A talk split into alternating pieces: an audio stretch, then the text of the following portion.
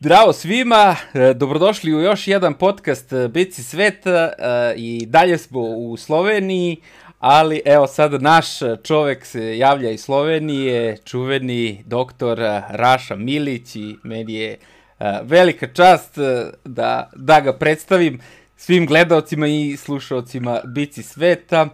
Malo smo se jurili više, nikako da se uklopimo, Raša je baš onako zauzet na sve strane, ali evo sad ovaj lockdown nas je nekako spojio, pošto je njemu kancelarija ova, koju sad vidimo oko njega, pošto su sve videokonferencije i, i ostala čuda. Pa, dobrodošli, doktore, kod nas u Bici Svet, kako vas je Mića najavio. Bolje vas našao. E. Bolje vas našao. Mića vas da te ispravim, lockdown se zove, lockdown se po najnovijem zove e, zapravo global reset a to nešto drugo znači. Da, da. I mi, I mi smo isto u lockdownu. Nadamo se do tom resetiranju da će da se situacija na trkama popravi, jer ovo sve u ovim raznim uh, bubbles, mehurčićima i balončićima, ne znam kako će da se izvede. Znaš, videli smo kako to izgleda u praksi. Videli smo prošle godine, tur je išao i sve su velike trke išle i to je ono što će sve da bude taj reset. Svi veliki će da ostanu, ne samo što se trka tiče, nego čini mi se što se tiče i, i biznisa. Veliki će da ostanu i da postanu još veći, a mali će da, da pate. Ali to je sad neka druga tema.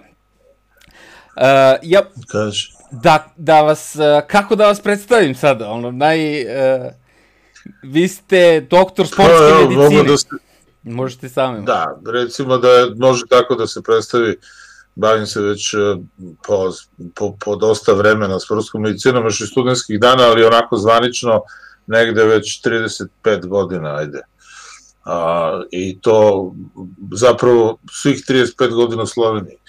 Iz prostog razloga što sam ovaj, u vreme kad sam jurio to po Beogradu, u smislu nekog posla, eventualno zaposlenja, tad je bio još uvek e, Republički centar za sport glavni cilj, jer se tamo nešto dešavalo, te kolege koji su radile to što mene zapravo zanimalo, fiziologiju sporta su bile locirane uglavnom u tom Republičkom centru, moram reći da su oni to radili na dosta zavidnom nivou, dok je naravno trajala ta ovaj, e, situacija u kojoj se moglo to raditi normalno. Posle, naravno, posle 91. je to već malo išlo ovaj, niže, naravno sistem financiranja se promenio, E, posle se nešto kasnije to obnovilo po 2000. godine, znači sada oni to rade korektno, mislim, rade ono što zapravo i jeste smisla sportske medicine da se zapravo u jednom aspektu, naravno, viđenja sportske medicine se bave zdravljem sportista.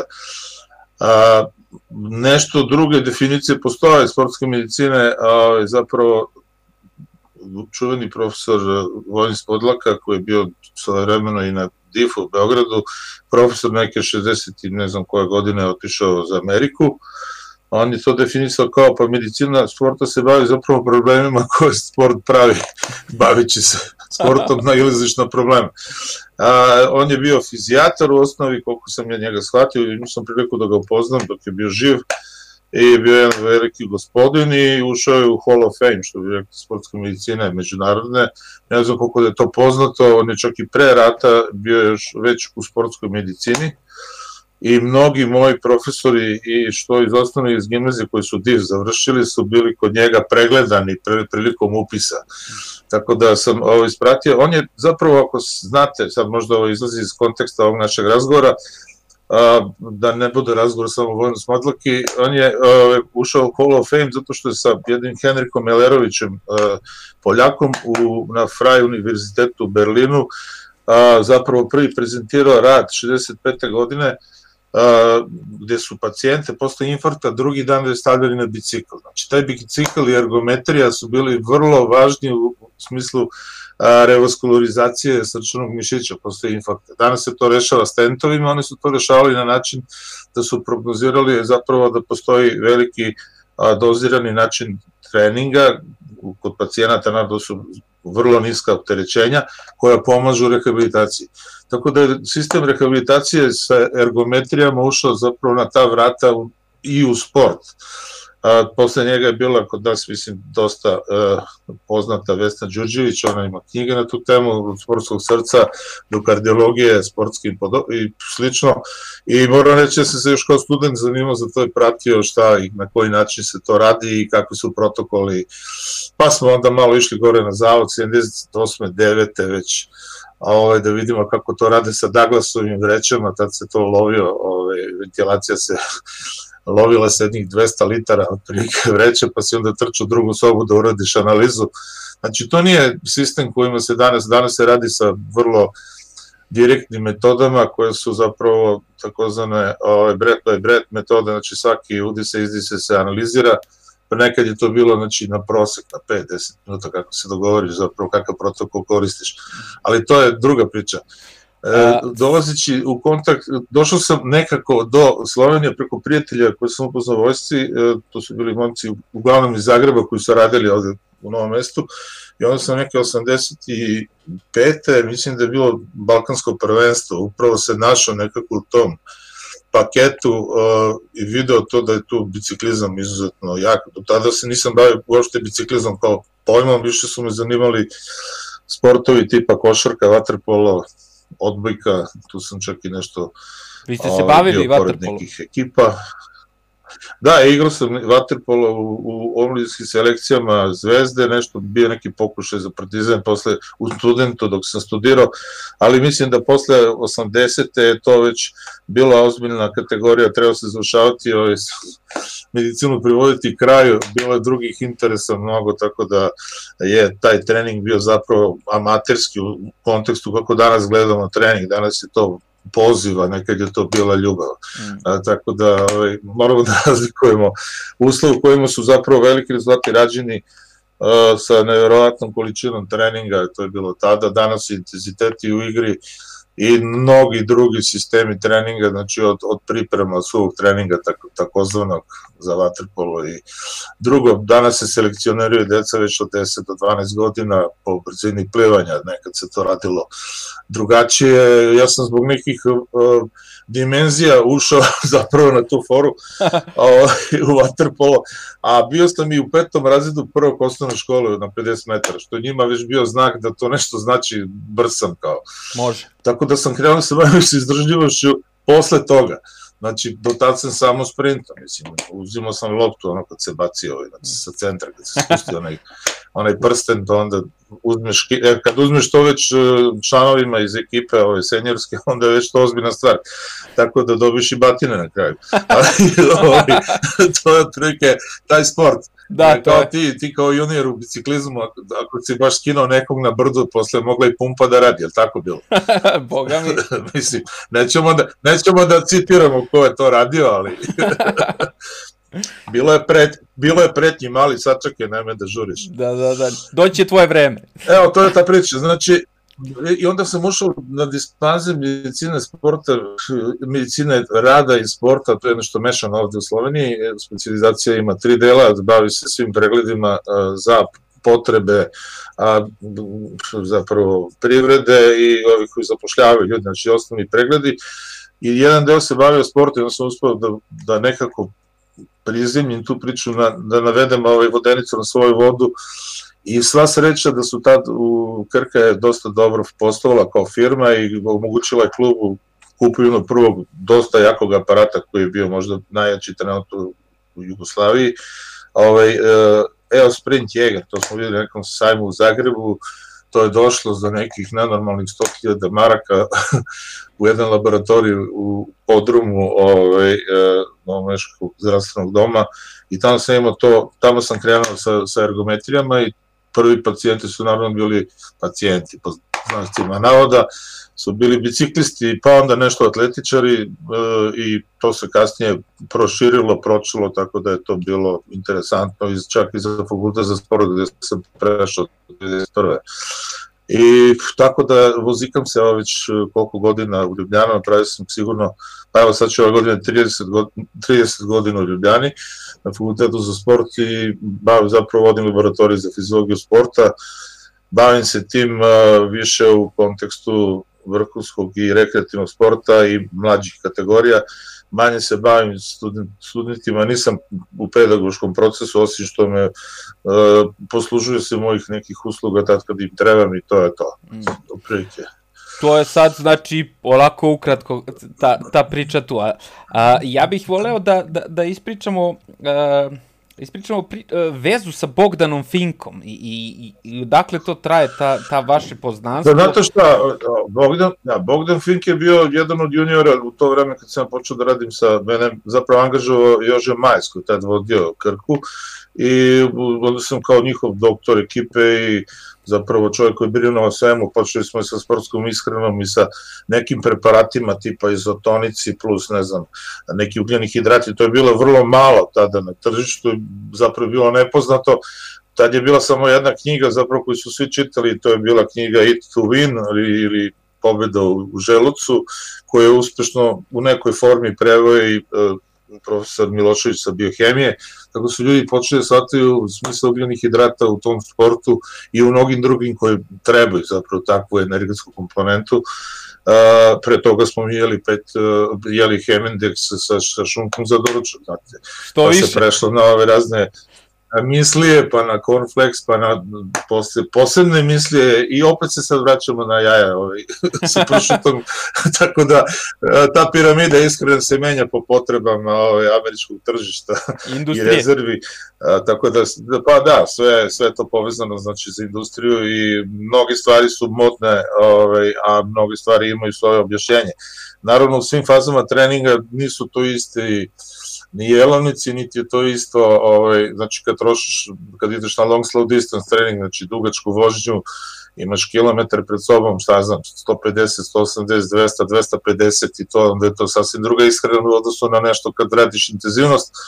I u osnovi, u osnovi postoji neka optimalna težina koju za svakog pojedinca treba odrediti na razne načine, tu sad postoje različita mišljenja, neki bi izuzetno uh, gubili težinu, ali sve zavisi od onoga što amerikanci zovu frame, znači tvoj frame je otprilike to što ti diktira, znači tvoja veličina kostura je to što je dominantno.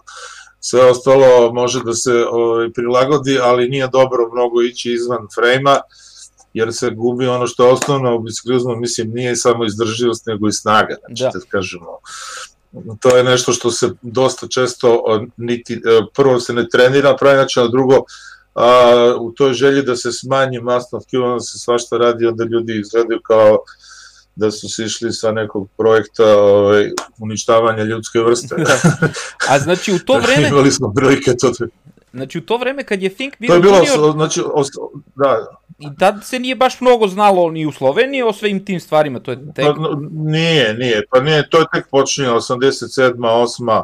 9. tu je tad bio taj turning point u ishrani, Ovaj, I posle, naravno, drugo, mislim, tad nisu funkcionisale ove veze, vi danas skidate u PDF-u svaku knjigu koja se svidi ili kupite ili je, ne znam šta, uradite, neko vam pošalje, ima i tih, tih varijanti, znači dosta veliki izbor informacija, uključeni ste preko raznih bibliotečnih mreža uh, u ceo svet, praktično možete da skinete sa bilo kog univerziteta, bilo šta vas zanima, znači ako vas uopšte zanima, imate veliku šansu da da budete kolekcionar ogromnog boja informacija. Naravno, to treba sve procesirati, napraviti levo, desno, šta ima smisla, šta nema smisla i napraviti neku strategiju.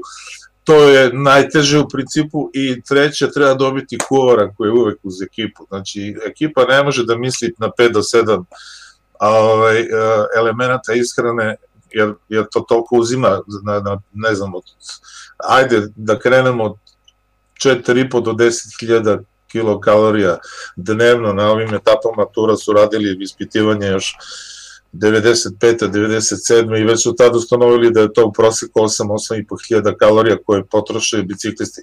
Znači uz neki normalan sistem ishrane je to nemoguće nadoknaditi. Tu postoje sada načini kako oni rade te loadinge, kako ubacuju neke uh, substance i ishranu, znači profilire namjer kiselina koje smanjuju uh, uništavanje mišića i tako dalje. Znači, borba je sa zamorom i borba je sa regeneracijom u smislu obnavljanja energetskih e, depoa. E sad, svako startuje tur, kad smo već kod tura sa 2-3 kile više, to nije slučajno, jer ta mas će se izgubiti tamo u trećoj nedelji, prema mm. tome, Ovo, sve to vezano za energetiku. E sad, ti, ti koji nemaju mnogo masti na telu, a i nemaju jako ekipu, vrlo je teško da će da, da dođu uopšte do kraja.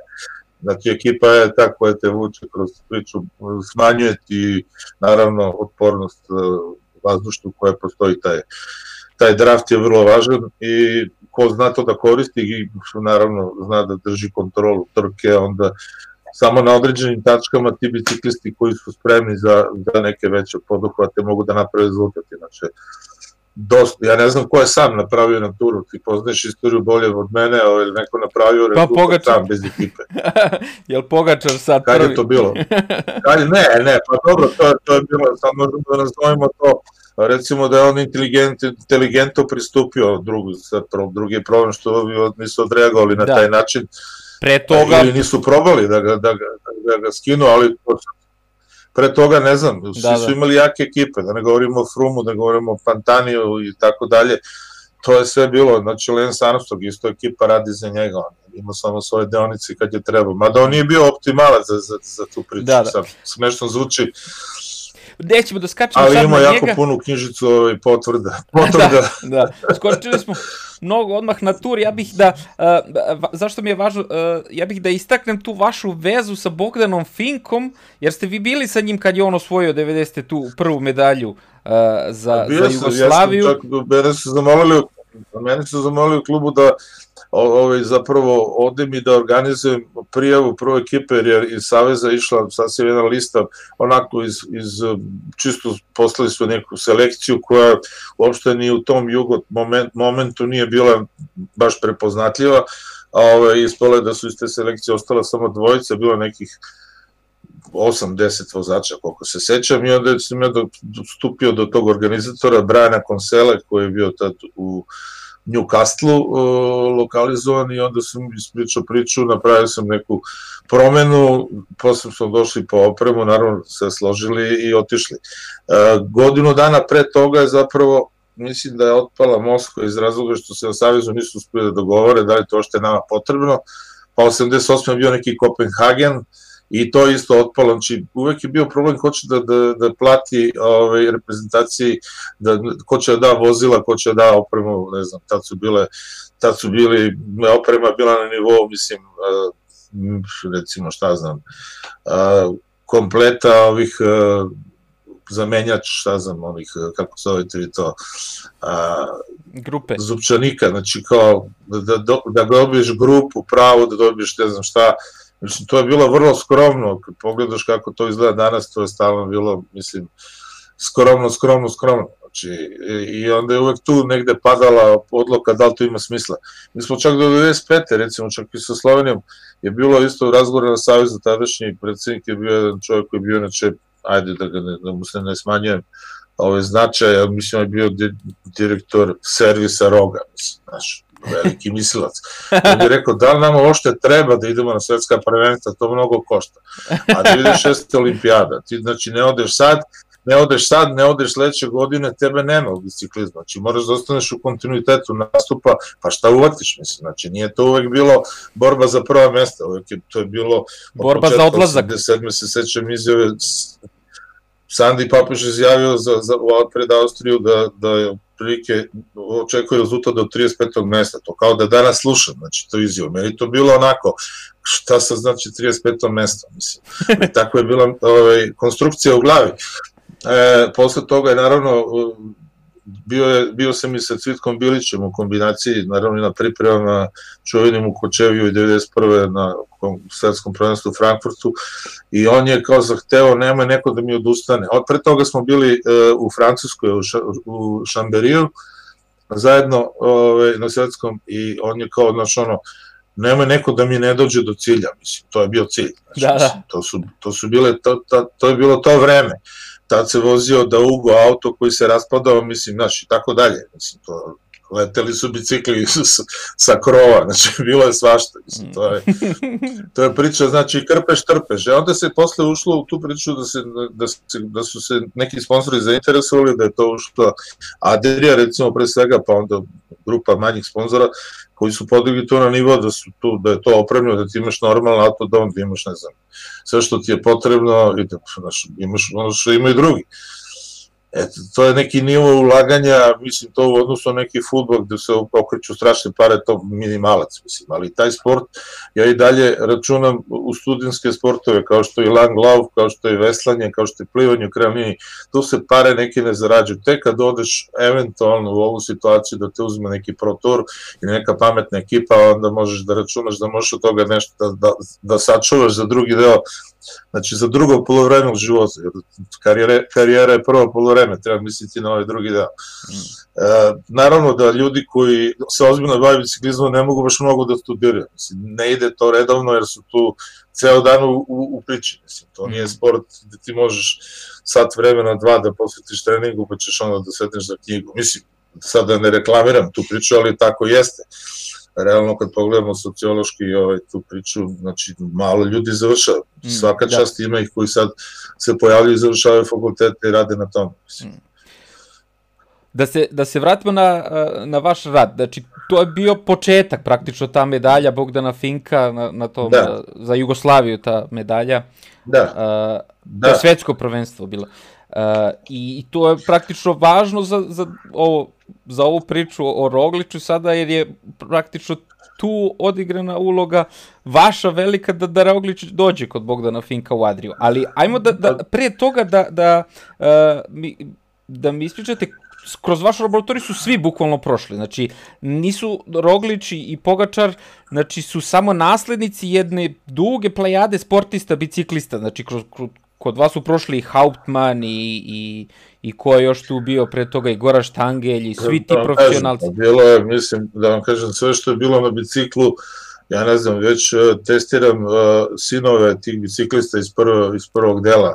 Ove, uh, moja saradnje sa fakultetom, odnosno ja sam negde 89. 90. počeo već uh, da, da razmišljam o tom prelasku na fakultet iz razloga što su se malo stvari kod kuće iskomplikovane, prostor bio mali, bio je samo zapravo za za jednog čoveka, za dvoje, šta znam, treba neki ozbiljniji ovaj, prostor i onda je to nekako uspelo da se, men, mislim, sreća da je za mene čuo tada tadašnji e, šef instituta, to je bio zapravo centar za vrhunski šport, posle preosto institut za sport, ovaj, Alex Leo von West, koga popularno zovemo Aleš, koji je stvarno rekao, ok, ima tamo neki čovjek na mesto, meri laktate, ne znam, radi ove testove, ajde mi da vidimo šta možemo s njim.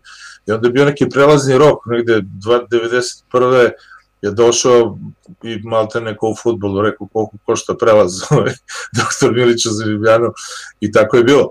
Ja sam 1. septembra startao na faksu. Naravno, to je bilo tada relativno skromno, ali dosta više opreme nego naravno jesu i bili su neki ljudi koji su iskusni u, tom, u toj priči, pa ono se bacio na druge sisteme, tad je ja sam radio na, na, Minecraft, na tom Jägeru od početka, posle prešao na Minecraft koji se pokazao kao odličan i tako je to krenulo i onda je to naravno, to se širi, onda krene sistem kategorizacije u sportu, ko mora da obavi te preglede, ko ima način da zapravo preko toga dobije neke informacije o nivou treniranosti, o tome kako bi trebalo i to je tako krenulo. Bio je posle tog doktora Fondesta je bio doktor Koprivnjak, Tomislav koji je dosta sarađivao kao kondicijni trener i u smučanju i u uh, u biciklizmu, dosta je radio sa Savom iz vremena Ropreta i uh, Udovića i svih ostalih uh, majstora tog sporta, tako da on bio već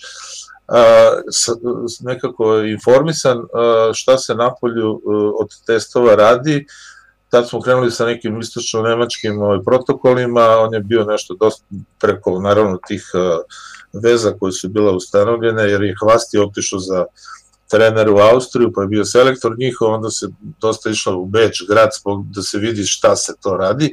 Mada centri informacije su i dalje bili za moje pojmove ovaj, e, Italija, znači Milano, Castellanca, Koni, pa onda nešto kasnije Frankfurt, uh, pa onda na kraju bilo i više puta Colorado Springs, tako da se usput ti učiš od drugih i zapravo pokušaš da otkriješ kriterijume i da otkriješ logiku cele priče. Znači, to, te, to ne može knjiga da ti da, znači moraš da prođeš to da vidiš, da vidiš recimo centar za trening u Oslu gde se različiti sportovi istovremeno pojavljuju uh, i na testiranjima i kasnije u, na uvodnom delu znači, da im se sedam dana prilike demonstrira i meri to što oni treba da treniraju.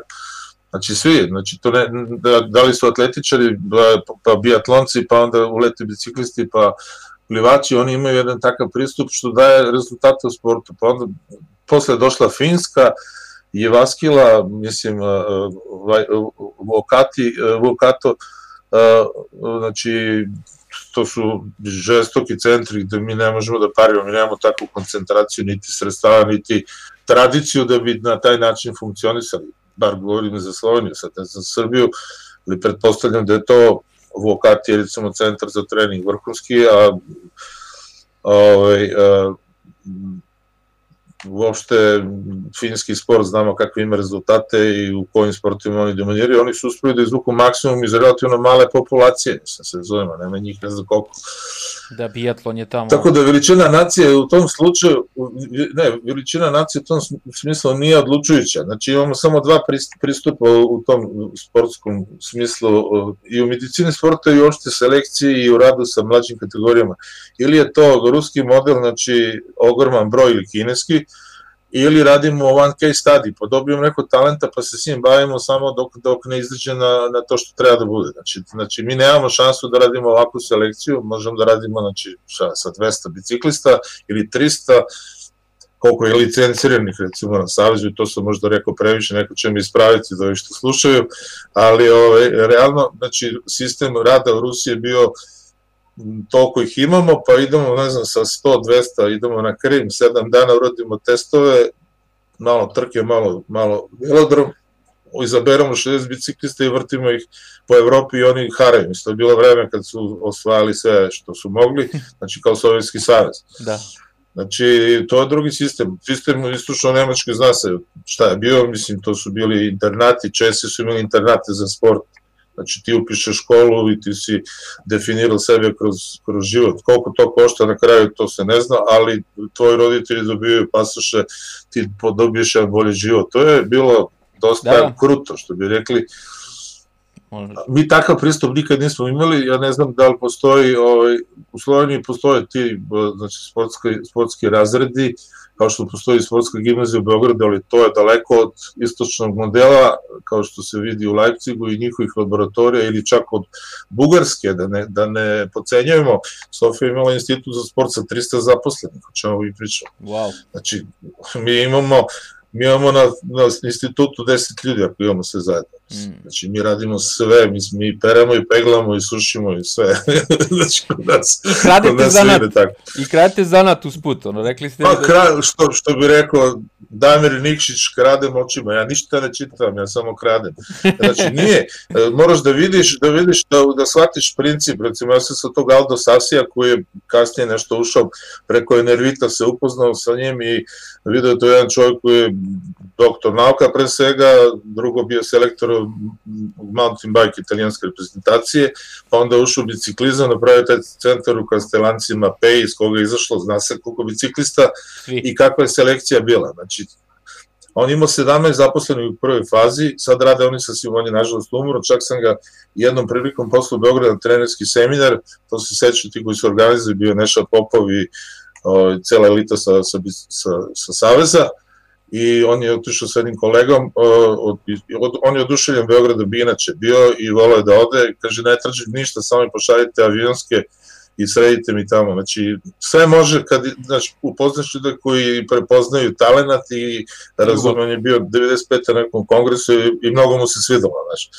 A drugo, mislim, kod njega vidiš kriterijum, mislim, vidiš šta je važno, oni su imali snimljene već te godine, uh, 92. treća, četvrta, već sa SRM-om su skinuli sve, sva brda na svim takmičenjima koje su u Evropi interesantne. Znači na, i na Turu, na Giro i na Vuelti.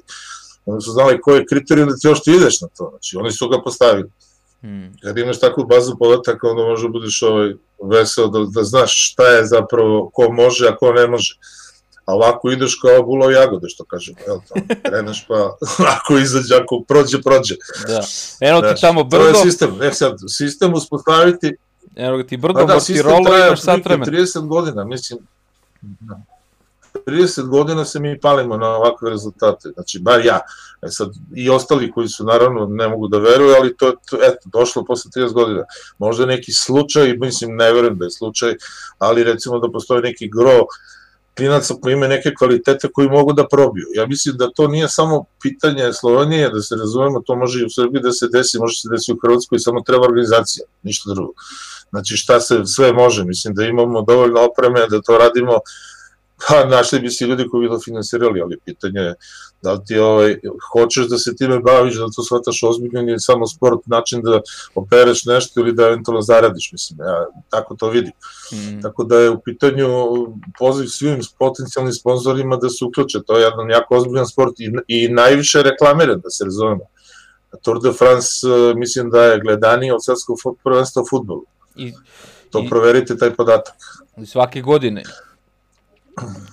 za razliku od ovih uh, olimpijada Tako da mislim da ko nije video, ko, kome ništa ne znači, kome ništa ne znači reklama na televiziji na, Euro, na Eurosportu po, po 5 6 7 sati, pa onda onda njemu i ne znači uopšte sponzorstvo ništa. Mm.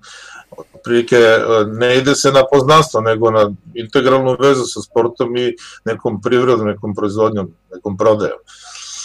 E, pošto sad... je, mislim, Srbija veće tržišta od Slovenije četiri puta, ja mislim da, da je to realno, ali treba samo pokucati na prava vrata. da, da. znamo koja su. Pa misli da je problem Srbije što se u Srbiji ne posluje baš po tržišnim uslovima, ali vidjet ćemo da će to da se... A dobro, da se po bilo kojim uslovima, pazi. Ako nekom treba reklama, ok, ako mu ne treba, brate, opet lepo, mislim. Mm, da. Znači, ne može to da izdržavaju ljudi koji vole.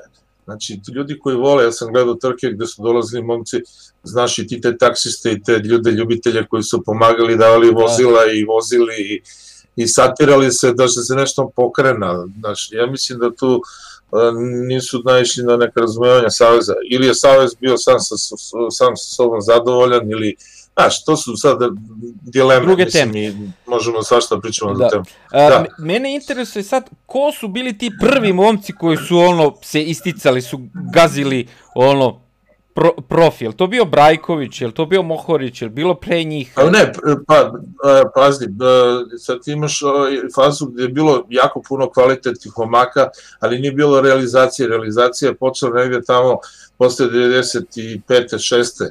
kad smo prošli malo više tih uh, takmičenja, kad su se dogodile neke promene u smislu uh, da su, da su prvo apetiti porasli, da su se pojavili mogućnosti da se kao što je bilo nekad sa NBA-om, da li Pagić, mislim, nije otišao u NBA, koliko ja znam, a ušao je u Hall of Fame, a bio je u svoje, svoje vremeno, recimo, vrhunski košarkaš, ne znam, Ćosić je bio vrhunski, Kićaneć, to je to bila neka legenda nekog sporta paralelno, isto i sa biciklizom, znači, dok je bio Loren Fignon i, ne znam, Le Monde, niko nije se palio iz ovih krajeva da će da vozi na, na toj trci, mm, tako.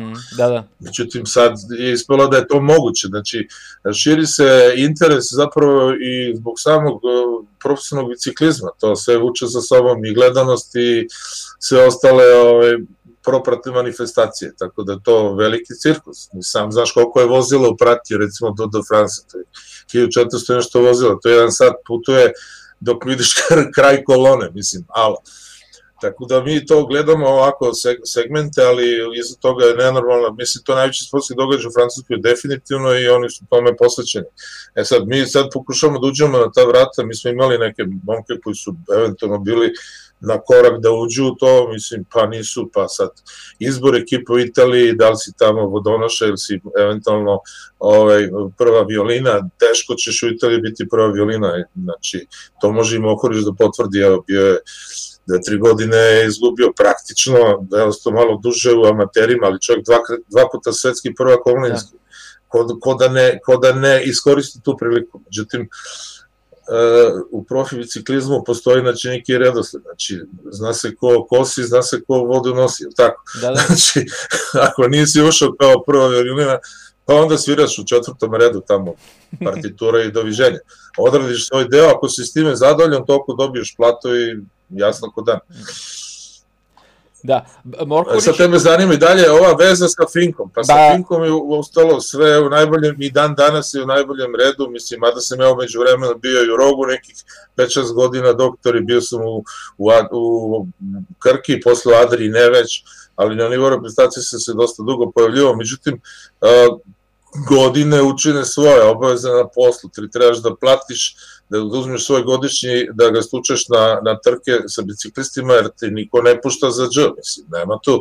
Ja se izražavam ovaj na način da bi razumeli o čemu se radi.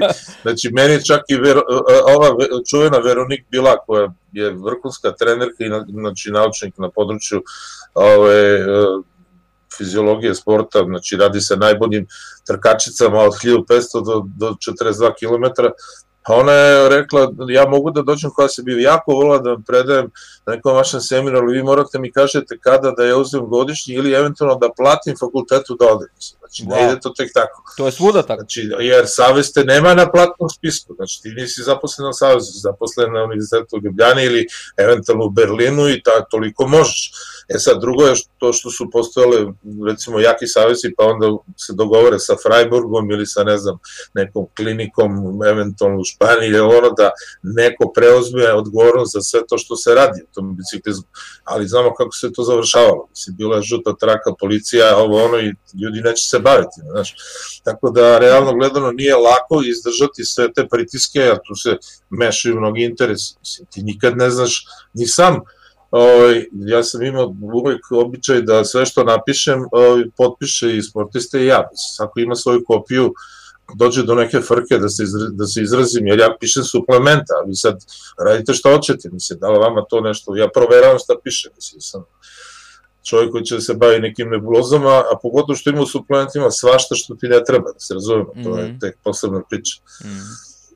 Ne, e... e sad, znači sa Finkom smo uspali dobrim momentima, mi smo stalno imali ovaj, kontakt, naravno dolazi su biciklisti na testiranje, to je bio sistem dva do tri puta godišnje po nekom modelu i to je bilo sa, sa članskim ekipama, posle to počelo sa mlađim kategorijama i sad otprilike od 13 godina nadalje sve što je evidentirano da može, znači prvi su, u prvom redu su treneri koji moraju da prepoznaju ko može ko je taj potencijal i ja tu mislim da su oni na prvom mestu kod svih ovih rezultata. Treneri su prvi koji to vide, ako nemaš trenera, teško će neko da, da ti upadne ovaj, naš, u taj, na taj spisak, znači vidi se prvo kako, kakva je uspešnost, da li su realizatori onoga što im se nudi, znači jedan Hautman, njega mogu da ajde, spomenem kao na, jednog najboljih realizatora, znači on je minimalne šanse iskorišćavao i pravi rezultate. Bio i treći, četvrti na svetskom eliti, uh, uzimao neke silne trke, znači čovjek koji je znao da iskoristi. Sad on sa svojim iskustvom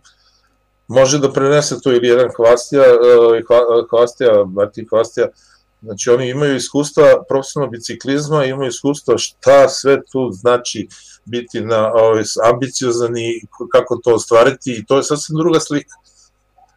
Znači, kad imaš tu, ja mislim da je to najviše doprinelo, znači, pa ne mentalitet, znači, tu si se promenio, ti neko ko je 15 godina profi ili 17, da imaš, ti si razgovarao sa nekim od njih, ja nisam ni znao da Gazo da toliko dugo ima karijeru, recimo Martin. Da, da. A znam ga kao, kao dečko od, ne znam, 14 godina nadalje i znam sve do 20 i neke i posle toga više nije dolazio iz razloga što on ima svoje ekipe, jureći te timove koje je menjao neverovatnom brzinom da. ove, ovaj, i naravno ima je nesreće da se sve to gasi iz sponsorskih razloga, možda nije uradio ono što je mogo, je bio veliki potencijal, naravno što je kronometru, znači to nema šta da se priča, to se zna. A, bilo je tu i drugih, recimo jedan Saša Sviban, vrhunski talent koji je u to vreme bio Pinterić najbolji hronometrista, onda je ovaj preuzeo to i mislim, to je bilo show time. Ali opet nije napravio rezultat koji bi ga uvrstio znači, u tu listu besmrtnih. Da.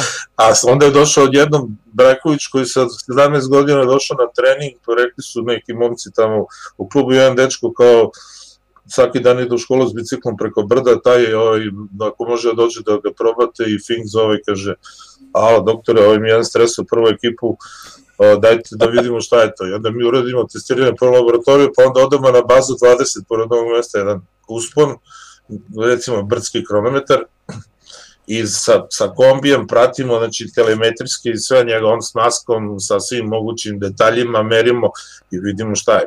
Znači, I tu je bio naravno Eržen koji je posle uh, s njim radio individualno strašno puno, pazi, Eržen mislim da ispod 10.000 km na motoru nije napravio na sezonu.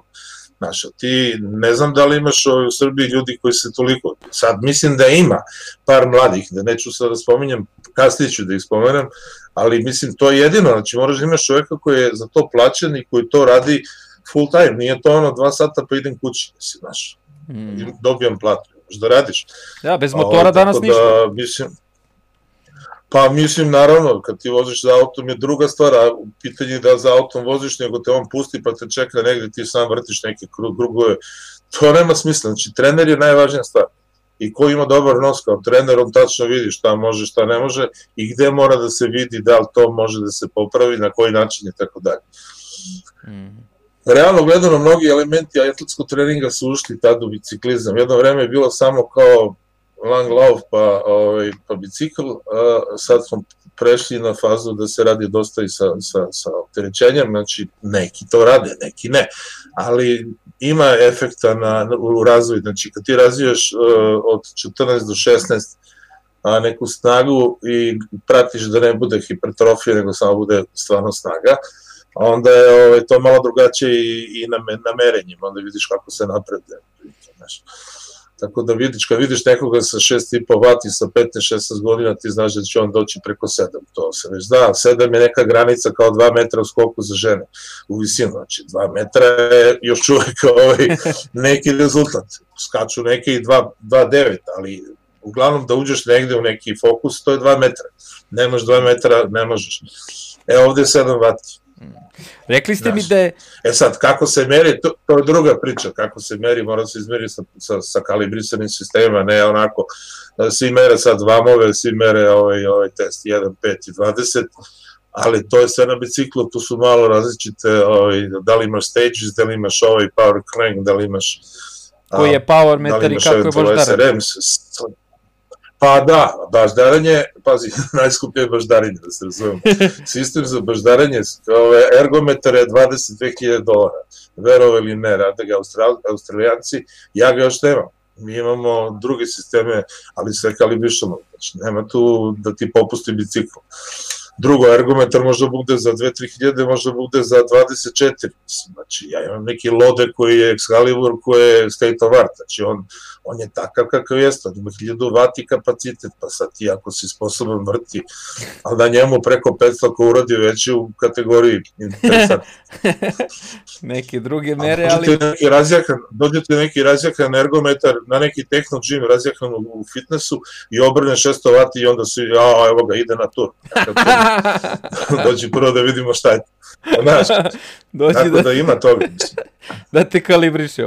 I dobro, ajde sad da, da pređe, mislim da najviše ljudi ih zanima. Uh, kako izgledalo to kad je Roglić došao kod vas i, i kad mi rekli da je on stiskao odmah na prvom testu 7? Roglić je, Pazi, Roglić je bio poznat kao skakač, on je čovjek koji je bio u tom sportu vrlo, vrlo profesionalno, ima svog trenera koji je iz jednog malog kraja gde si imao samo futbalski teren, malo grbav u to vreme i skakaonicu. Znači, šta je bio njegov izbor? Mislim, on mogu samo bude skakač.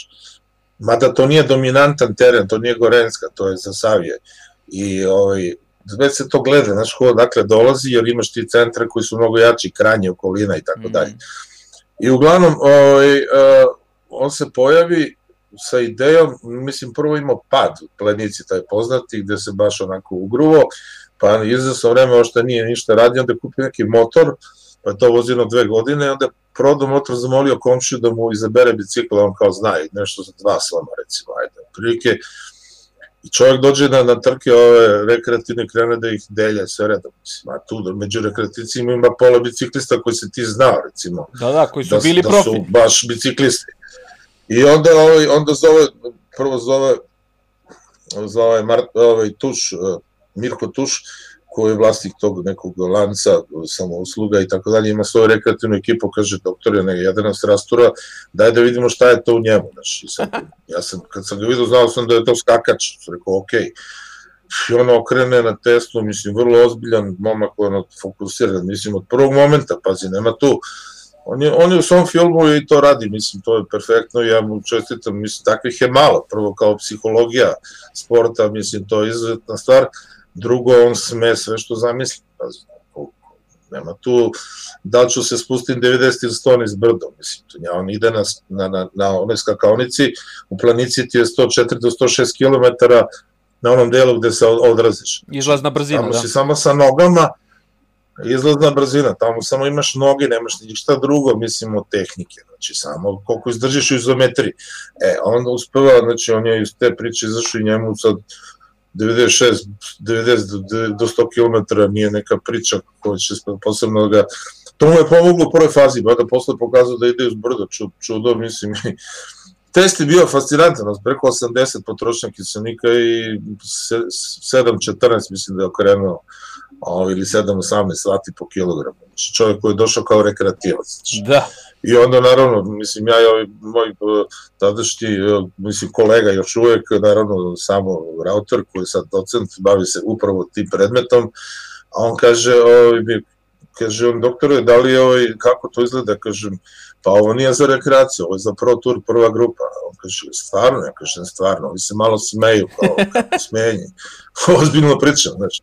I to je baš, i onda smo zvali, ovaj, naravno, kao, imaš klub, pa nemam, eto, ja sam zvao ovoga, zvao sam onoga, znači, nikako, ovaj, Mirko mi nudi neko, on je radio kod Mirka Tuša, čak i mislim da u firmi, neko vreme da zaradi pare da bi došao u neki klub, mislim, toliko je bila želja, pazi ko će da uzme čovjeka sa 22 godine koji nikad nije bio na biciklu, znači bavio se godinu i po dana ili dve koliko, recimo, rekreativno.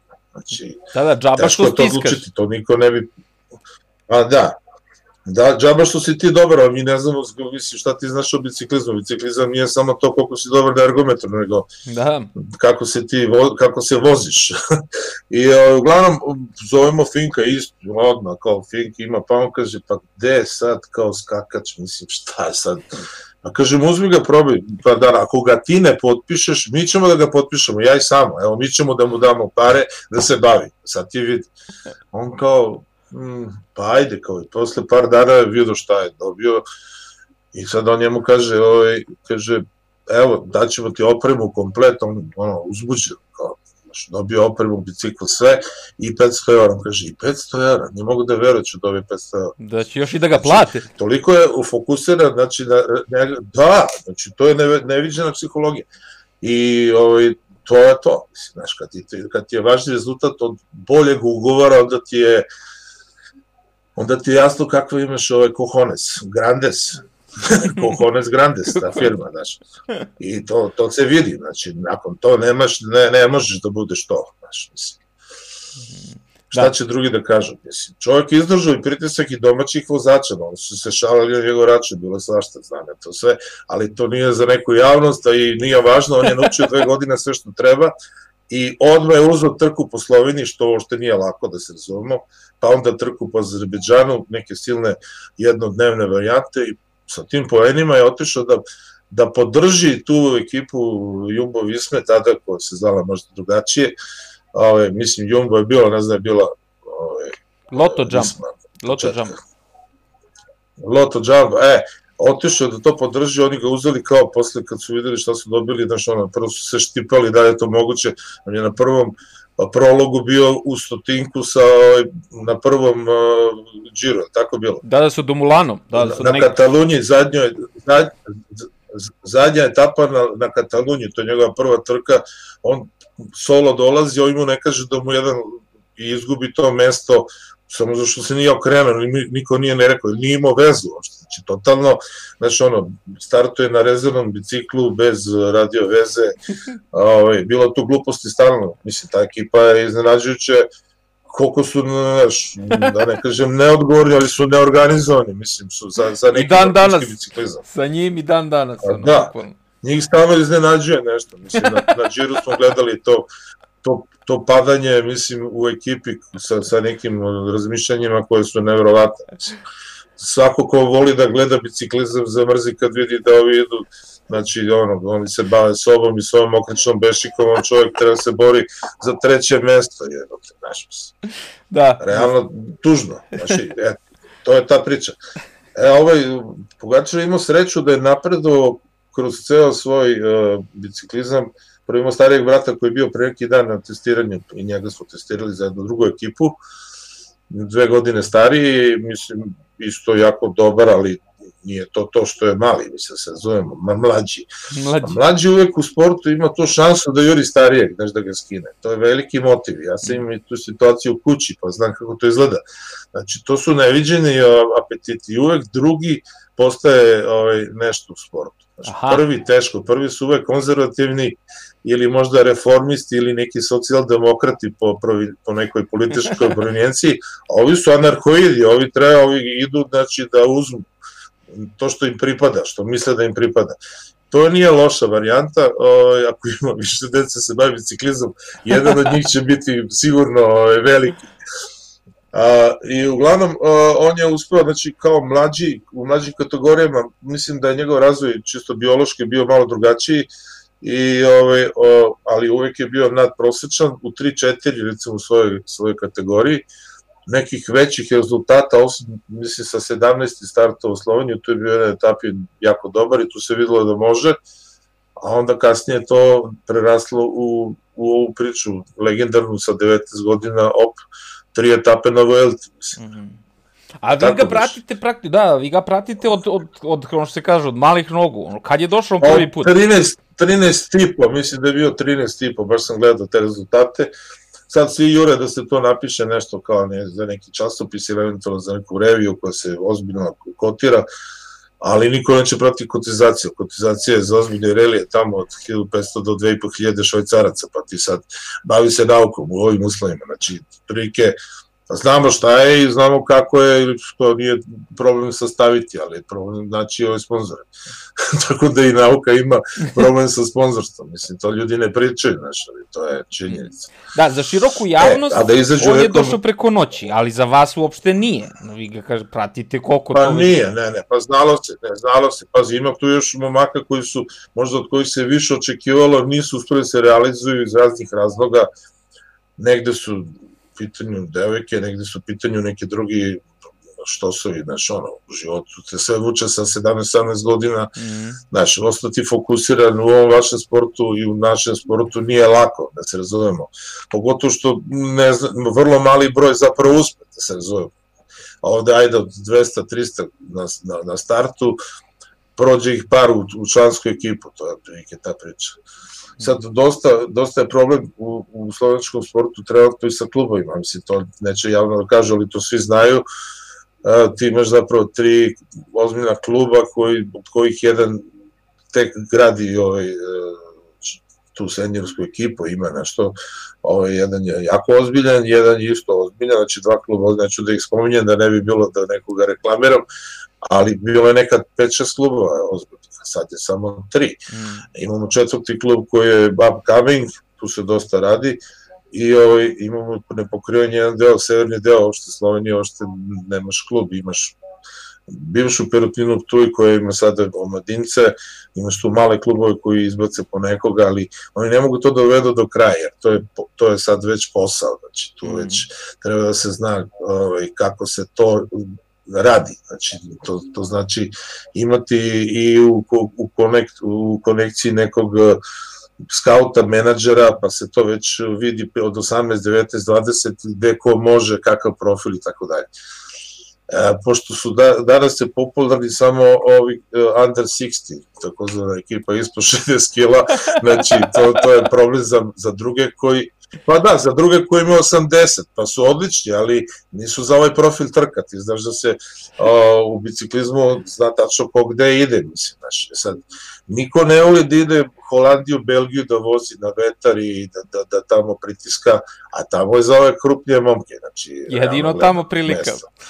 A za, a za ove, za Španiju, Italiju, Francusku, nemoj, Švajcarsku, šta ćeš ti tu da radiš, mislim gde si krenuo, čemu li se nadaš, mislim, ne možeš, znači moraš da budeš ovakav i da budeš izuzetno motivisan i jak i da imaš ekipu, naravno, da napraviš nešto, tako da, E, to, je, to je prvi problem, znači ne mogu svi koji su mali da budu veliki iz razloga što nisu svi rođeni baš za to, nemaju tu genetiku, mogu da imaju malo kila, ali to možda bude i ono kao u svojoj kategoriji kad pogledaš ovaj, uh, ko, ko gde spada po, po veličini tela, po težini, po visini, pa vidiš da su svi na donjem delu lestvice u razvoju, to je onda to.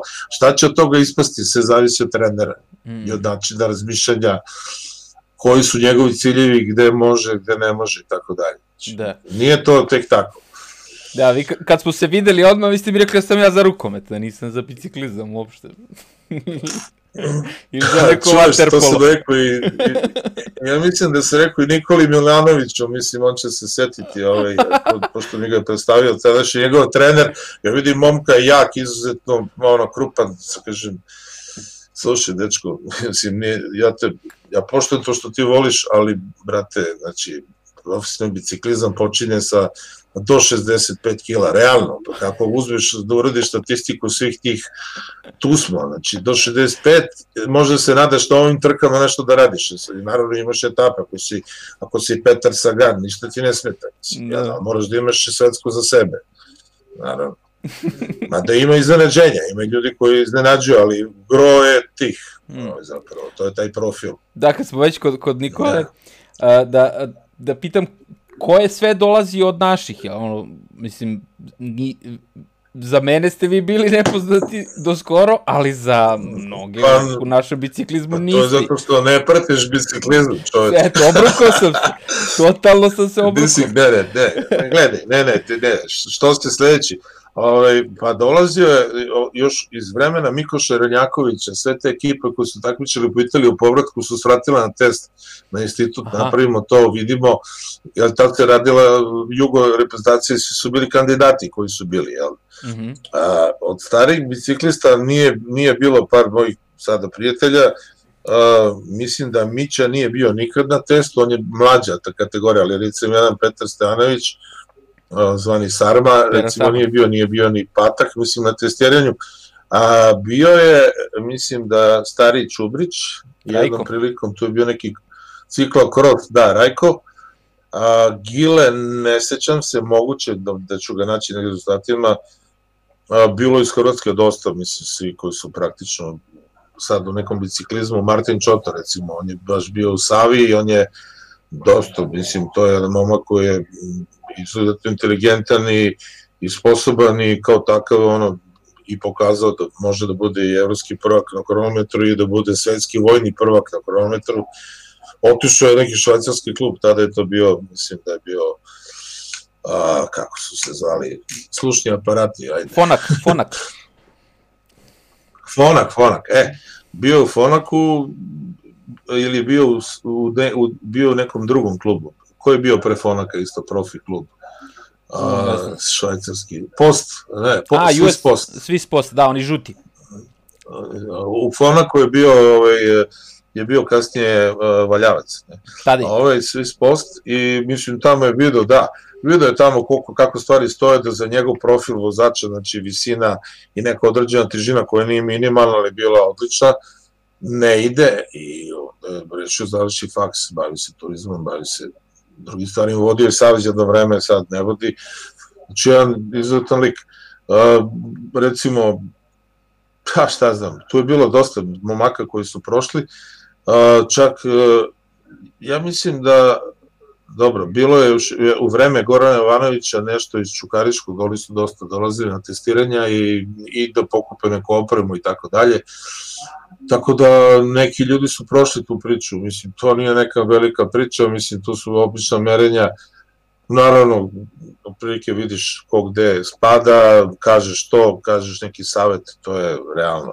Poslednje vreme su bile par ovih e, mountain bikera, e, bio je Nemanja Vajs, mislim, jednom prilikom, posle bio Bogdan Ilić koji je u Novom Sadu nešto radio sa, sa ovom Popovićkom, i dolazi je Marko Sudarić, znači Sombora, koji je recimo jedan od interesantnih centara, znamo gde, gde je Sombor po profilu i da je, ne, ne znam, najviša špica 150 metara ili 170, u Šikari možda, ne znam, sad govorim na pamet, nadvožnjak, ali recimo oni su shvatili to kao jedan ozbiljan pro, projekat u kome neko ko znači, ima određeno znanje može da napravi, mislim, i naravno interes roditelja da se ljudi bave, da su da deca bave nekim normalnim sportom. Sad ti imaš, imaš ti talentovnu decu možda i za, i za, za plivanje, ali nemaš bazen, pa onda ajde bar bicikl, znaš, mislim, to je otprilike neko odlučivanje, znaš. Mhm. Nije uvek ovaj, uh, talenti ne rastu tamo gde ih mi očekujemo, nego tamo gde se pojave, znaš. Mhm. E sad, da li će se pojaviti zavisi od infrastrukture, znači. Mm. A kroz, kroz vašu laboratoriju su prošli svi sportisti, bukvalno, ne samo biciklisti. Je li bilo drugih sportova? Pa dobro, pa naravno. Je li bilo ovi skijaša, ne da. znam, langlaufa koji su bili, uh, jel su pa biciklisti najjači ili nisu? Ko je sad tu? Je to neka Pa ne, ne, pa, pa, pazi, tu su prošli svi mogući, znači, Langlauf, znači smučarski tek, što bi rekli slovenci, pa onda biatlon, tu dolazi nordijska kombinacija, dolaze alpski smučari i smučarke, znači sve to postoji uh, u programu tog uh, kategoriziranog sporta i oni imaju svoje periode kad se pojavljaju, to prilike kraja aprila, početak meja, znači zimske sportove, za letnje okrenu, okrenuta malo ovaj, faza, Znači, atletičari dolaze, dolaze, znači, sve što može da se u fiziologiji izmeri. Naravno da mi imamo na institutu i par drugih laboratorija, ne par, nego ih ima bar jedno sedam koji funkcionišu jako dobro i to je biomehanika, kineziologija, pa onda sportska medicina u nekom užem smislu te stvari jedno prilike laboratorije gde se može odraditi sve što je potrebno Znači, od analize snage, brzine skoka, kinematika je jako razvijena, znači to se radi sa, određenim kamerama, sa nekom je, jezivom rezolucijom i onda se to naravno analizira, to je tehnologiza tehnike uglavnom, pa se integrišu neke stvari na veslači, da ne zaboravim, dolaze stalno, kajak, kajak kanu na mirnim i divnim vodama, znači sve, čak su mi dolazili šapčani dugo godina, a, u fazi kad su iz te neke B finala nekog evropskog nivoa došli do svetskih rezultata.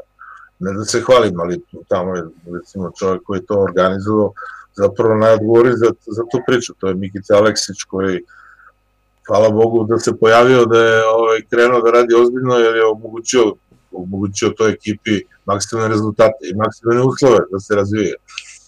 E sad, znači nekad smo imali u tom kajaku na vidnim vodama, imali smo Natašu i ovu braću uh, uh, kako se zove? Uh, ja nisam u toj materiji uopšte. Kasnije.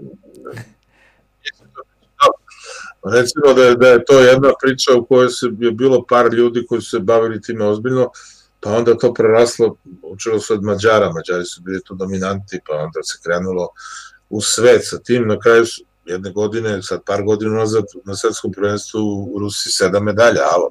Znači nije to više mali sport, nema, nema šans. To ja gledam sa strane, mada sam nešto involviran delimično tu priču, znam i kako atletika funkcioniše, mislim, znaš, to je sve ozbiljno do onog momenta kad, ovaj, kad, kad ljudi shvate da zapravo to može, mislim, kad, dok ne shvate da je to moguće, znači ne možeš da pričaš o ozbiljnom bavljenju. Znači, Tako da je ovde ove, populacija i e, zapravo interes podigao nivo očekivanja, tako da sad više, mislim, ako nisi bar u prvih 5-6, mislim, nema šta da pričaš, mislim, nemate. Nije rezultat 35. mesta kao na početku našeg razgovora. Ko što je nekad bilo. Znači, i, i, i kako su profilisane i zna se kako se šta vozi sad kreneš pa gde završiš, mislim, znaš. Mhm. Nije, nije jednostavno, pazi, drugi voze bicikl, ti znaš, to, to je sport koji je praktično možda najrašireniji na startu, kad pogledaš koliko nacija ti dolaze na start. Pa imaš ove egzotičare koje možeš da izbegneš, da ne padneš u, u, konfrontaciju, da se zapleteš i tako dalje. Ima tu masa stvari koje odlučuju, Nije ali uglavnom ti glavni se drže. Mislim, sad je, sad je Slovenija postala respektabilna u tom sportu, da se razumemo. A ćemo, ako malo pogledaš unazad, Pa 20 godina je već u prvih 10 ekipa na svetu, mislim, kao reprezentacija. Pogledaš malo pa vidiš da je to nije slučajno. Da, da, od Šesti, Hauptmana... sedmi, deveti... Od Hauptmana 2000-te i pre njega, rezultate. I pre njega. I dob, da, i, i pre njega ovi koji pa su da. pravili, pravili put svima. Znači, svima to se, to se, Pa da, pa sve, sve to jedno, jedno na drugom rasla, znaš, mislim, nema tu iznenađenja, znači mora se urode generacije, bar dve do tri generacije da prođe, a prošlo ih je pet, u sportskom smislu ovaj, i da se na, na, napravi neki pomak, jer svi ti koji su zapravo kao treneri radili napolje, oni su shvatili težinu priče, mislim, nije to i sva sreća da su uspeli da se plasiraju u, u ekipe, recimo i ima si, ne znam, četiri ili pet slovenaca u, uh, u, u, u Skaju svoje vremeno, ima si u, raznim drugim ekipama sve naše mehaničare, masere, fizioterapeuta, nešto mnogo nije bilo, sad imaš u Bahrein, imaš uh, Emirate, znači to su jake priče u smislu i financije i ulaganja i tako dalje, to su I znanja. Što me neko pita kao koliko košta, koliko košta kao da mi napravimo jednu kao profil koji pokažem, pa mislim, košta 20 miliona za start, pa idemo dalje. A sad, da li ćete vi to da napravite, treba da dobiš ljude koji su u tom sportu, nisu slučajno ovi plakali, ovaj, cela italijanska ekipa i oni španci, svi zajedno kad je ovaj uzao žutu majicu na kraju. Su ljudi doživili orgazam, jer ceo život čekaju da dobiju pobednika Tour de France-a. Kolnago je prvi put u svojoj Tour de France posle 100 godina biciklizma. Da. Mislim, malo. Znači, to su velike stvari. Znači, ko, ko je u tom sportu, kao što si ti ili Mića ili recimo Pera Sarma, za njega znam sigurno, to su orgazmične situacije. Znači, nema tog zadovoljstva da ti imaš biciklistu koji je to uzao, mislim, znaš. Mm. Da. Sad fali možda titula svetskog prvaka, prvaka na cesti, ajde da uradimo i to, mislim, ali znaš, nije to, to ne, to ne zavisi samo od tebe i drugi voze, znači to je ta priča. To je ogromna podrška ljudi. Pojavljaju se, vidiš sad grupom. Da. Ja sam to pa tek da, video kad sam otišao na svetsko prvenstvo, kad sam video koliko belgijanaca dođe, ljudi, starih, matorih ljudi koji to vole, koliko njih dođe iza tih 10 ljudi da, da samo nešto tu pomaže, da im budu na usluzi i tu se vidi ta organizacija. Znači, to, to, ono, mislim, ja ni, ni, nisam mogu ni da prebrojim koliko je ljudi podrška i iza tih uh, vozača, nebitno šta je, da li su... Evo sad da je podatak. Ti možeš shvatiš koja je to organizacija u pozadnje kad su Holandjani već 92. treće imali softver koji je bio tako napravljen, znači prvi softveraši, ovaj, da ti zabere e, profil tabulara za određen tip ovaj, kronometra. Oni su već imali merenja urađena znači, sa svim mogućim gumama, tabularima, spajkovima, tim drugim e, žbicama, ne znam, da li su puni ili su ovi od Kevlara ili su drugačije profilisane, da li su oni Z ili ne znam koji. Znači sve to bilo ispitano znači materijali, sad ovo što rade u ovim vetrovnicima, znači kad uđu da, da urade profil, profil pozicija za kronometar, to je malo oni gledaju biomehaniku i ovaj propulziju, znači to ih zanima, šta je ono najmanje površina frontalna da ti uspeš da dobiješ taj stranski vetar ili pozadi, ovaj, znači to se računa. Međutim, ovaj, zaboravili na fiziologiju, znači tvoje telo u toj poziciji drugačije funkcioniše. Ne može da pruži maksimum. Srce, ceo kardiovaskularni sistem, način disanja, da li ti diafragma ide do pola ili ti ide do kraja, znači ti moraš sve to da imaš u obziru kad biraš poziciju, nije to samo izračunati, uraditi merenja i kao to je optimalizacija pozicije, nije. Pozicija se, imaš masu ljudi koji se ovako voze, znači ovako, znači vidiš mu leđa, taj ne može izaći, nema šansi, jer sad neka respektorna kompenzacija gasi, znači nema toga. Hmm. Tako da ti se stalno boriš sa nekom fiziologijom, e, e, ekonomizacijom, znači za što manji metabolni uložak, koliko energije produ, produciraš, što veću brzinu prosečno da izvučeš.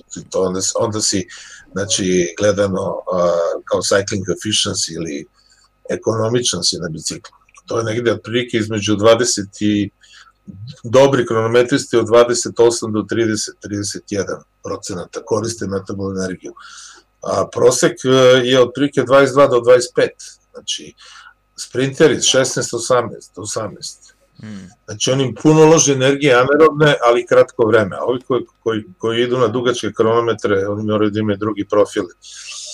Tako da je to, to je jedna priča za sebe. Znači to možemo da nastavimo u nekom ovaj, kao, nekom viši rang ovaj razgovor, ovaj sad upoznavanje. upoznavanje. Ali, Pa da, mislim, te, tema je ogromno te, te, tehničkih detalja, mislim sad, tu bi, tu bi ja predlagao da samo router jednu, da njega pozoveš, pošto on a, dosta freak, ovaj tehno freak, on ti zna sve detalje šta od opreme sad je, a, može da bude plus i da li svi ti plusevi daju rezultat ili je to sada mali deo ako nemaš gambu ili što bi rekli mašinu, nemaš nogu, mislim, mogu, možeš da imaš ne znam kakav bicikl, nema toga ništa.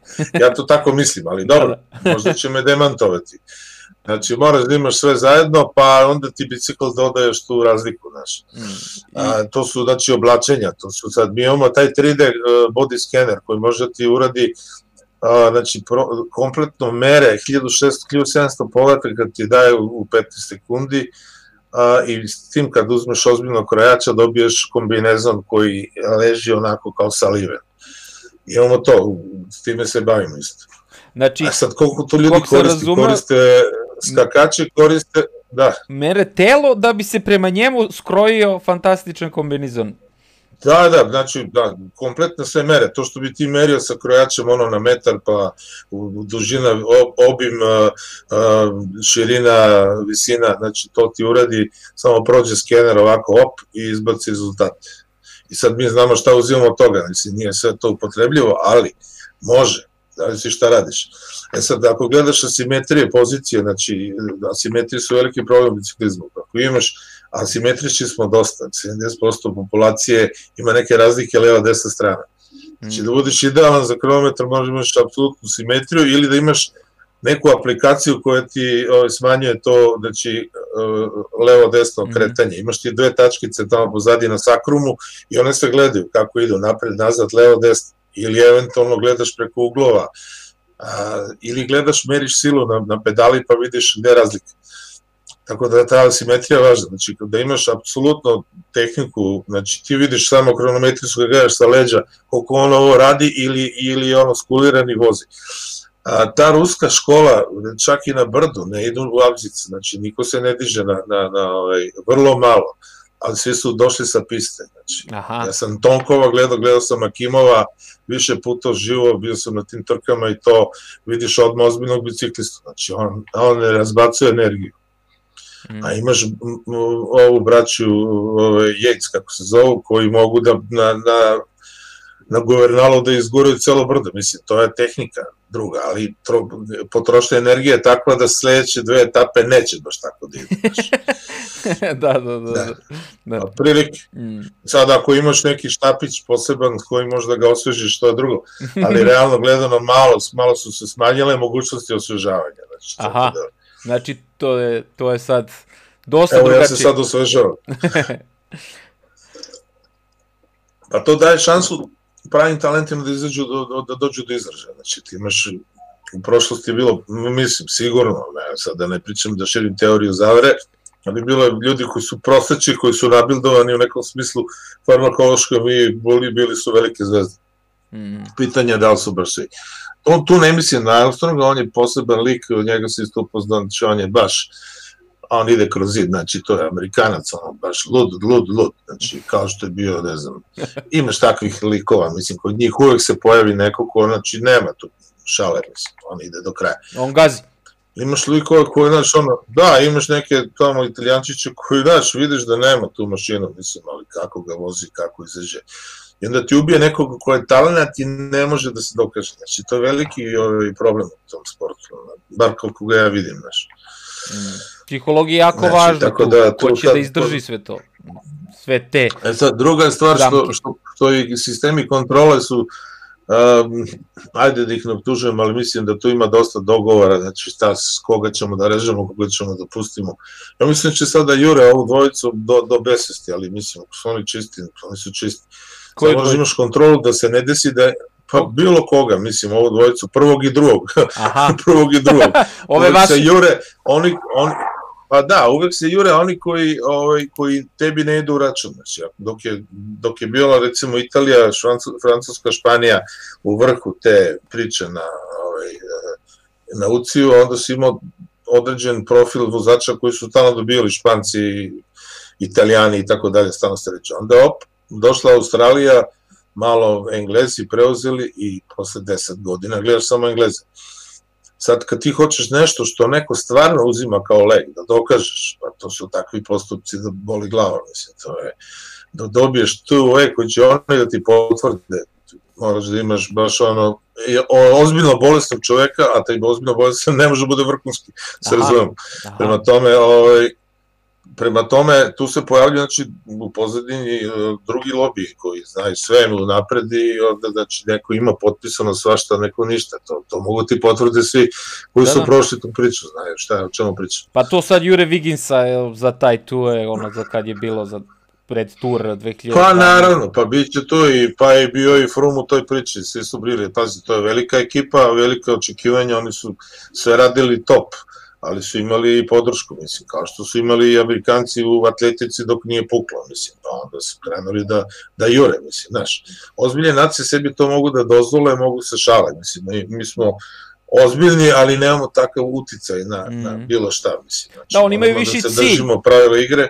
I njima su sportisti pa, kao ratnici praktično, bukvalno to tako ih koriste, ono. To smo videli na olimpijadi 2014. u, u Rusiji, bukvalno. Da, Da. Drugo, pazi, neka medalja na olimpijadi ili ovaj, e, da ne bude zabune. Više vredi u Srbiji nego u Sloveniji. To će ti reći svi sportisti. Oni govori i pričaju među sobom.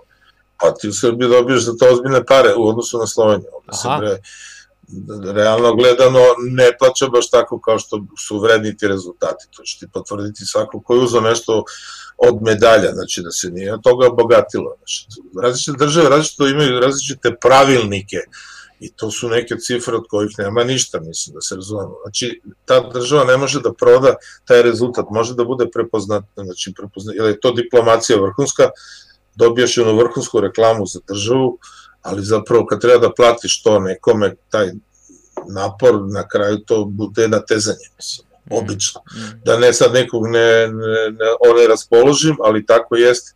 Mislim da Srbija u poslednjih 10 godina baš pošteno plaća rezultate Tako ja mislim, a imam i takve informacije, a to znaju i sportisti i pričaju među sobom, znači nije to tajna. Mm -hmm. E sad druga je stvar ovaj, kako održati, od, održati ovaj, e, klubove, kako održati lige, to nije baš lako, znači, tu se mhm. pada, mislim. Da, ta jedna medalja puno košta, ali sledeća medalja košta duplo više, koliko god da je ova, ova jedna bila plaćena, da bi ha, se to održalo. Slušaj, oni su uložili, to je sve generalno uloženo u taj sport zbog pre svega zdravlja nekog e, razloga zbavljanja sportom, kad to dođe u takmičarsku fazu, onda se gleda šta se s time mi radimo. I sad ako, recimo, Slovački mislički savez je napravio toga neke dodatne pare za mlade kategorije, ništa nisu uspeli da uradati. Znači, sad menadžment pravi mora da dođe do izražaja. Ako sad ne može, mada je ova, ova godina prošla i ova su katastrofa za menadžere i za uopšte bilo kakve ugovore i bilo kakvu podršku dodatu u sportu, jer mi se sve zabranjeno. Mi mm. radimo na granici samo sa kategoriziranim sportistima i to smo uspeli da dobijemo zato što je njima dozvoljeno da treniraju. Znači, ne, ne bi radili ništa. Mm. Sedeli bi kući i kuckali u računar. To nije to. da, da, da. Da, da. da. Mm. A, šta... Evo, koliko vidim, već sati 20 smo u igri, yes. imaš još, skrati me, skrati me čoveče. Za kraj hoću samo uh, par saveta šta mi kao Srbija možemo da primenimo od, od toga što, što vi vidite da možemo mi da nešto sad, evo, primenimo, uh, da vi posavetujete sad nas kako mi da mrt, mrdnemo s ove mrtve tačke. Meni su, sad ću ti reći, meni su pre en godina, još u vreme jula, recimo, ajde da se setimo te ekipe o, političke, oni su mi nešto kao predlagali, kažu, ne, ne, sedi ti tamo, ti nama tamo trebaš, pa ćeš da nam kažeš koji su to fore i fazoni. Pa nisu to fore i fazoni, to organizacije, ljudi, veštavanje. To je sistem. Mislim, kako mislite neki što, kao neki što s ukrašću, što pa ću da ti kažem, ili kao spremaš se za pismeni zadatak pa imaš ceduljice, pa šta ti znaš o tome, mislim, znaš, nije to na ceduljice, to mora se, o, znači, da se opredeli 16 sportova, recimo, to su dominanti, ok, ne znači da mali ne smije da uspeju, ali ovo, ovo nam je fokus. Mi se malo previše fokusiramo, neću da nekoga sada ovaj, uh, na neki način ražalostim uh, u futbolu, mislim, šta smo radili u futbolu, alo bre, ljudi kolike pare odoše, mislim, tamo interese se to brzo prodaje, mi interese se rasprodaje ekipa, bili smo svetski prvaci omladinski, pa šta? Pa od te reprezentacije bi sad mogli da imamo stabilnu reprezentaciju koja treba da rastora, mi ne, nas nema nigde. Šta to govori? Znači da se tu mešetari, ali su, to su poslovi tih ljudi koji se time bave. Naravno, e sad u biciklizmu te interes ne postoji, nemaš ti šta koga da prodaš. Niko ne traži od tebe letter of clearance da ideš u inostranstvo. Veseli se da odeš, bre čoveče. Što pre, brate, pali. Znači, to je ta priča, kao ono mega trend pali, završi pa pali. Znači, to je to. Znači, jedna, jedna, jedna onako žestoko jednostavna formula, a u stvari nije tako jednostavna kad pogledaš. Znači, e sad, šta je najbolje? Možda eventualno kad bi ovde neka baza bila jača u smislu financija trenutno, da bolji biciklisti dođu, bar da prođu tu školicu, recimo kao što je bilo, kao što je Rajović recimo nešto uradio, on je talenat, ali u Adri imao određeno mesto koje mu je odgovaralo i on je napravio sad to da je otišao u ozbiljni klub, mislim mm. ozbiljni u smislu viši rang. Uh, treba to izdržati. Ja i momak iz Sombara otišao isto i bio je na testiranju. Veliko. Pa, znaš, nije to tek tako, da, veliko. Znači, nije to tek tako. Znači, to treba, korenito se neko predile. Sad, u kom je stanju savez, ko sad tamo radi, ko vodi, ja znam neke ljude, mislim, znam ih, zato što sam toliko godina tu pored, ali ne znam kako oni rade, koji imaju sistem, šta oni podržavaju, šta misle da treba. Znači, mora projekat da se uradi, bar projekat, pa da se krene sa, sa lokalnim klubovima, da se pod, da podrška prvo klubovima da mogu da izdrže ti trener prežive. Mislim, da ja Mića Brković dobije platu čoveče, znači pravo. Evo što ti takvog momka da pustiš na cedilu. Mislim, to ja mislim, ne znam. Mm. Mislim to i za Gileta, mislim to i za sve te koji su prošli neki biciklizam i znaju, znači ti ga pocenješ, misliš da je, da je sve u diplomi ili eventualno ne znam čemu. Mm. Nije. Nije, da. znači, Znači, da bi shvatio veličinu događaja, moraš da budeš pored. Znači, ako nisi bio pored i samo gledaš preko televizije, to je druga priča. Mm. E sad, i naravno, snalažljivost, personalna inteligencija dosta odlučuje, mislim, ovde je bilo par ljudi koji su snalažljivi, imaju tu inteligenciju, možda nemaju to znanje u startu, ali su uspeli da uđu, sad mogu da rade, sad znaju šta rade, mislim, znaš. Tako to ide, mislim, ja mislim tu da nekih formula generalnih nema, ali mislim, deca vola da voze bicikl, mislim, bicikli su relativno dostupni čak i u toj situaciji, znači koja nije baš najsigurna, naš ono, naj, naj, e sad ako se organizuju klubi ozbiljno, mislim, to će ići, mislim, nema razlike, nema razloga da ne bude uspeha, mislim, samo treba da bude, znači, struktura ljudi koja zna šta hoće, kako hoće, na koji način da izgura i to je to a ono brzo prodati nekom italijanom tamo da voziš za neku ekipu, mislim, pa posle vidiš da to sve drži prži, što bi rekli ovaj, naši, drži oni, prži. I oni su muljatori tamo. Otišlo je par momaka, otišlo je sad par pa, da. u Italiju tamo u te diletantske klubove koji su opet ekstra super za, za razvoj. Ali nisu to diletanti u onom smislu to kako tako zove, da. Da, da, da. To su amateri, diletanti, ali realno gledano nisu oni ošte diletanti, oni znaju šta rade. Međutim, njihove ambicije su na nekom nivou, do, do nekog nivoa i sad, znači, da ne pričam detalje, mislim, imaš situacija gde neko ko treba nekome u sprint da navuče kao, da ga domaćeg biciklistu, pa moja zanišlica ispada stalno, znači ne može da ga pretekne. Znači, kak, zašto radiš za tog doma, domaćeg italijana koji ne može da, da parira uopšte tvoje brzini? Pustite njega da pobedi. Ne, to je, to, to je problem Italije. Da. Znači, naš, ne bi ja tu mnogo savjetovao mnogo Italije, znači, ako si baš dobar na vrlo, ako možeš sam da odlučuješ, onda idi. Ako si sprinter, tu nema leva, znači, što bi rekli. Mm -hmm. Znači, Biće mnogo gadno. Biće mnogo gadno. Pa ništa, hvala, evo, ajde. Da evo, bio je, bio, evo, bio, jedan, bio jedan ekstremni biciklista koji je malo izdržao u tom ekstremnom fazonu, to je bio Zoran Klemenčić, vrhunski sprinter, znači jedan redkih koji je imao šestu, sedmu brzinu, znači ne znaš više kad će da stane, znači strašno talentovan, inteligentan, uspeo da uzme evropsko prvenstvo do 23, znači dokazao se u nekom smislu, to bilo u Psali, u Švedskoj, Hemp je kao drugi otišao pored njega u Vini Caldirolu tada. Ove izlažu sezonu, možda malo jače, počeo se bavi kompjuterima, drugim stvarima, život ide dalje i batalija, mislim, znaš. Ali pobedio sve sprintere italijanske tog vremena, od Cipolinija do Lombardija do ne znam koga. To malo ljudi zna. Mm. A realno gledano, mislim, čovjek je talent bio koji, znači, odlučio da se bavi drugim stvarima. Znači.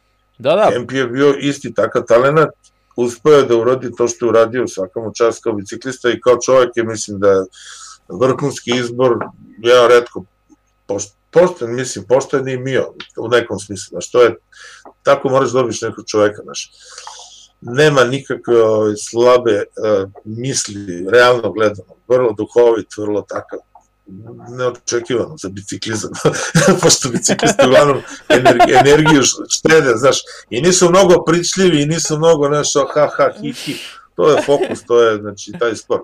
Da. A on je drugačiji, znači on je ipak sprinter u, u, u nekoj svojoj personifikaciji i to je to. Pa ništa, hvala vam puno na ovom razgovoru, evo sad da, da, da Znaš, skratimo, pa ćemo sledeći put se nadamo kad ovo pustite da, snim, da budemo uživo negde tamo. Ja, ovo će biti haos kad pustiš, bit će ono, bit će poziv hiljade slušalaca. Ove, da, da, da. Što pustiste tog doktora, čovjek priča neke priče, nek dođe da vidi šta je kod nas i tako dalje. Ma nije nigde, nigde nije ružičasto da se razumemo, svi imaju probleme, danas posebno, jer je ovo sve Evropa druga liga, da se razumemo. Znači, ovi prva liga rade za sebe, vidiš i kako se delaju vakcine. Da. Svaka čast Vučiću, da se razumemo, da ste dobili, vi ste sad najbrže vakcinisana nacija u, u, u Evropi, realno gledano. To da. je čak potvrdila je ova Merklova. Mm. A, a mislim, a ovde se čoveče stiglo, ne znam koliko, vrlo malo. Evo i, evo i ovde u Nemačkoj... 10-15 ljudi vakcinisani. Evo i ovde u Nemačkoj kaže jedan doktor ima prijatelja tamo u Maincu, tu, tu ne znam, Bayer pravi ove vakcine, ali nijedna nije stigla za njih, sve su otišle u Izrael, ono, bukvalno, to je ono, pre par dana, kao, Ali ljudi A, kako... To je sve na prijateljstvo. Pa Pfizer ima, ove, ima ekipu iz Izraela, mislim, u pozadini i to je to. to je to. Otišli smo sad pa, ove... Realno gledano, vidjet ćemo, vidjet ćemo šta će biti s vakcinama kroz pet godina. Da. da ajde. I hoće da, da nam prave pasoše da bi mogli se vidimo uživo. A, da, to će biti 100%, to, ne, to nema greška. To nema greška. To, ne. mislim, mogu da potpišem. Pa, zato što stvari organizuju na nivou restrikcije, mislim, svih mogućih prava sad, ko se bavi time, pravno zna što o čemu priča, mislim, realno gledano, ako je 0,14% pozdan podatak o smrtnosti, a ima si neke morbile koji imaju mnogo viši procenat, zašto tamo nisi jurio ljude s iglom, onda ih juriš, mislim, ne, malo, malo baš čudno. Malo a dobro, da ne idem sad u područje doktora Nesterovića i ostali koji to rade vrhunski, znači, rade, ljudi imaju logiku priče, mislim, realno gledano, ne idem u ekstremne, u ekstremne varijante, ali realno je čudno. Čudno, da. Najblaže rečeno. Najblaže rečeno. Mada, mada, pazi, odluka o vakcinisanju je individualna stvar. Da se to da, da. U Americi više nije. U Americi imaju pravo da te prisile. Mm. To su u Ustavu uradili. Aha. Što je malo druga demokratija, da se razumemo. Mm, malo druga. Toliko opevana. Toliko opevana. da, da, da. Pa, dobro. Viši razlozi, viši ciljevi. Viši ciljevi. Hvala vam na ovoj priči, baš je bilo super, ja sam uživao, nadam se da će i naši gledalci i slušalci, i, i, a ako se vama koji ste slušali svidela ova priča, kliknite like, pa, mislim, subscribe. Ja pričam iz onako, ja uvijek pričam iz glave ono što mislim, znači nemam tu mnogo ovaj, ovinkarenja što kažu. Ne vatamo krivine, nego radimo to što jeste i tako kažem. I tako. Realnost je takva kao što jeste, ne može biti drugačija iznenađujuće je dobra, realno gledano u biciklizmu, bar u Sloveniji, u odnosu na te druge parametre kojima mi pratimo šta, koliko i, i zašto. Znaš. I vi ste deo toga okay. i naša sreća da možete da nam pa, ispričate. Recimo da sam, ja sam jedna una piccola diferenca, malo tamo neka, neka tačkica na tom zidu. Treneri su najvažniji, slušajte me dobro. E, dobro. Znači ako nema tu entuzijasta i nema ljudi koji će da ulože sebe u tu priču, ništa toga. Ako, neki, ako oni vide od toga zaradu, ništa to. Realno. Realno, da. Uživajte. Hvala vam. Чао. Поздрави си. Чао. Вижте се.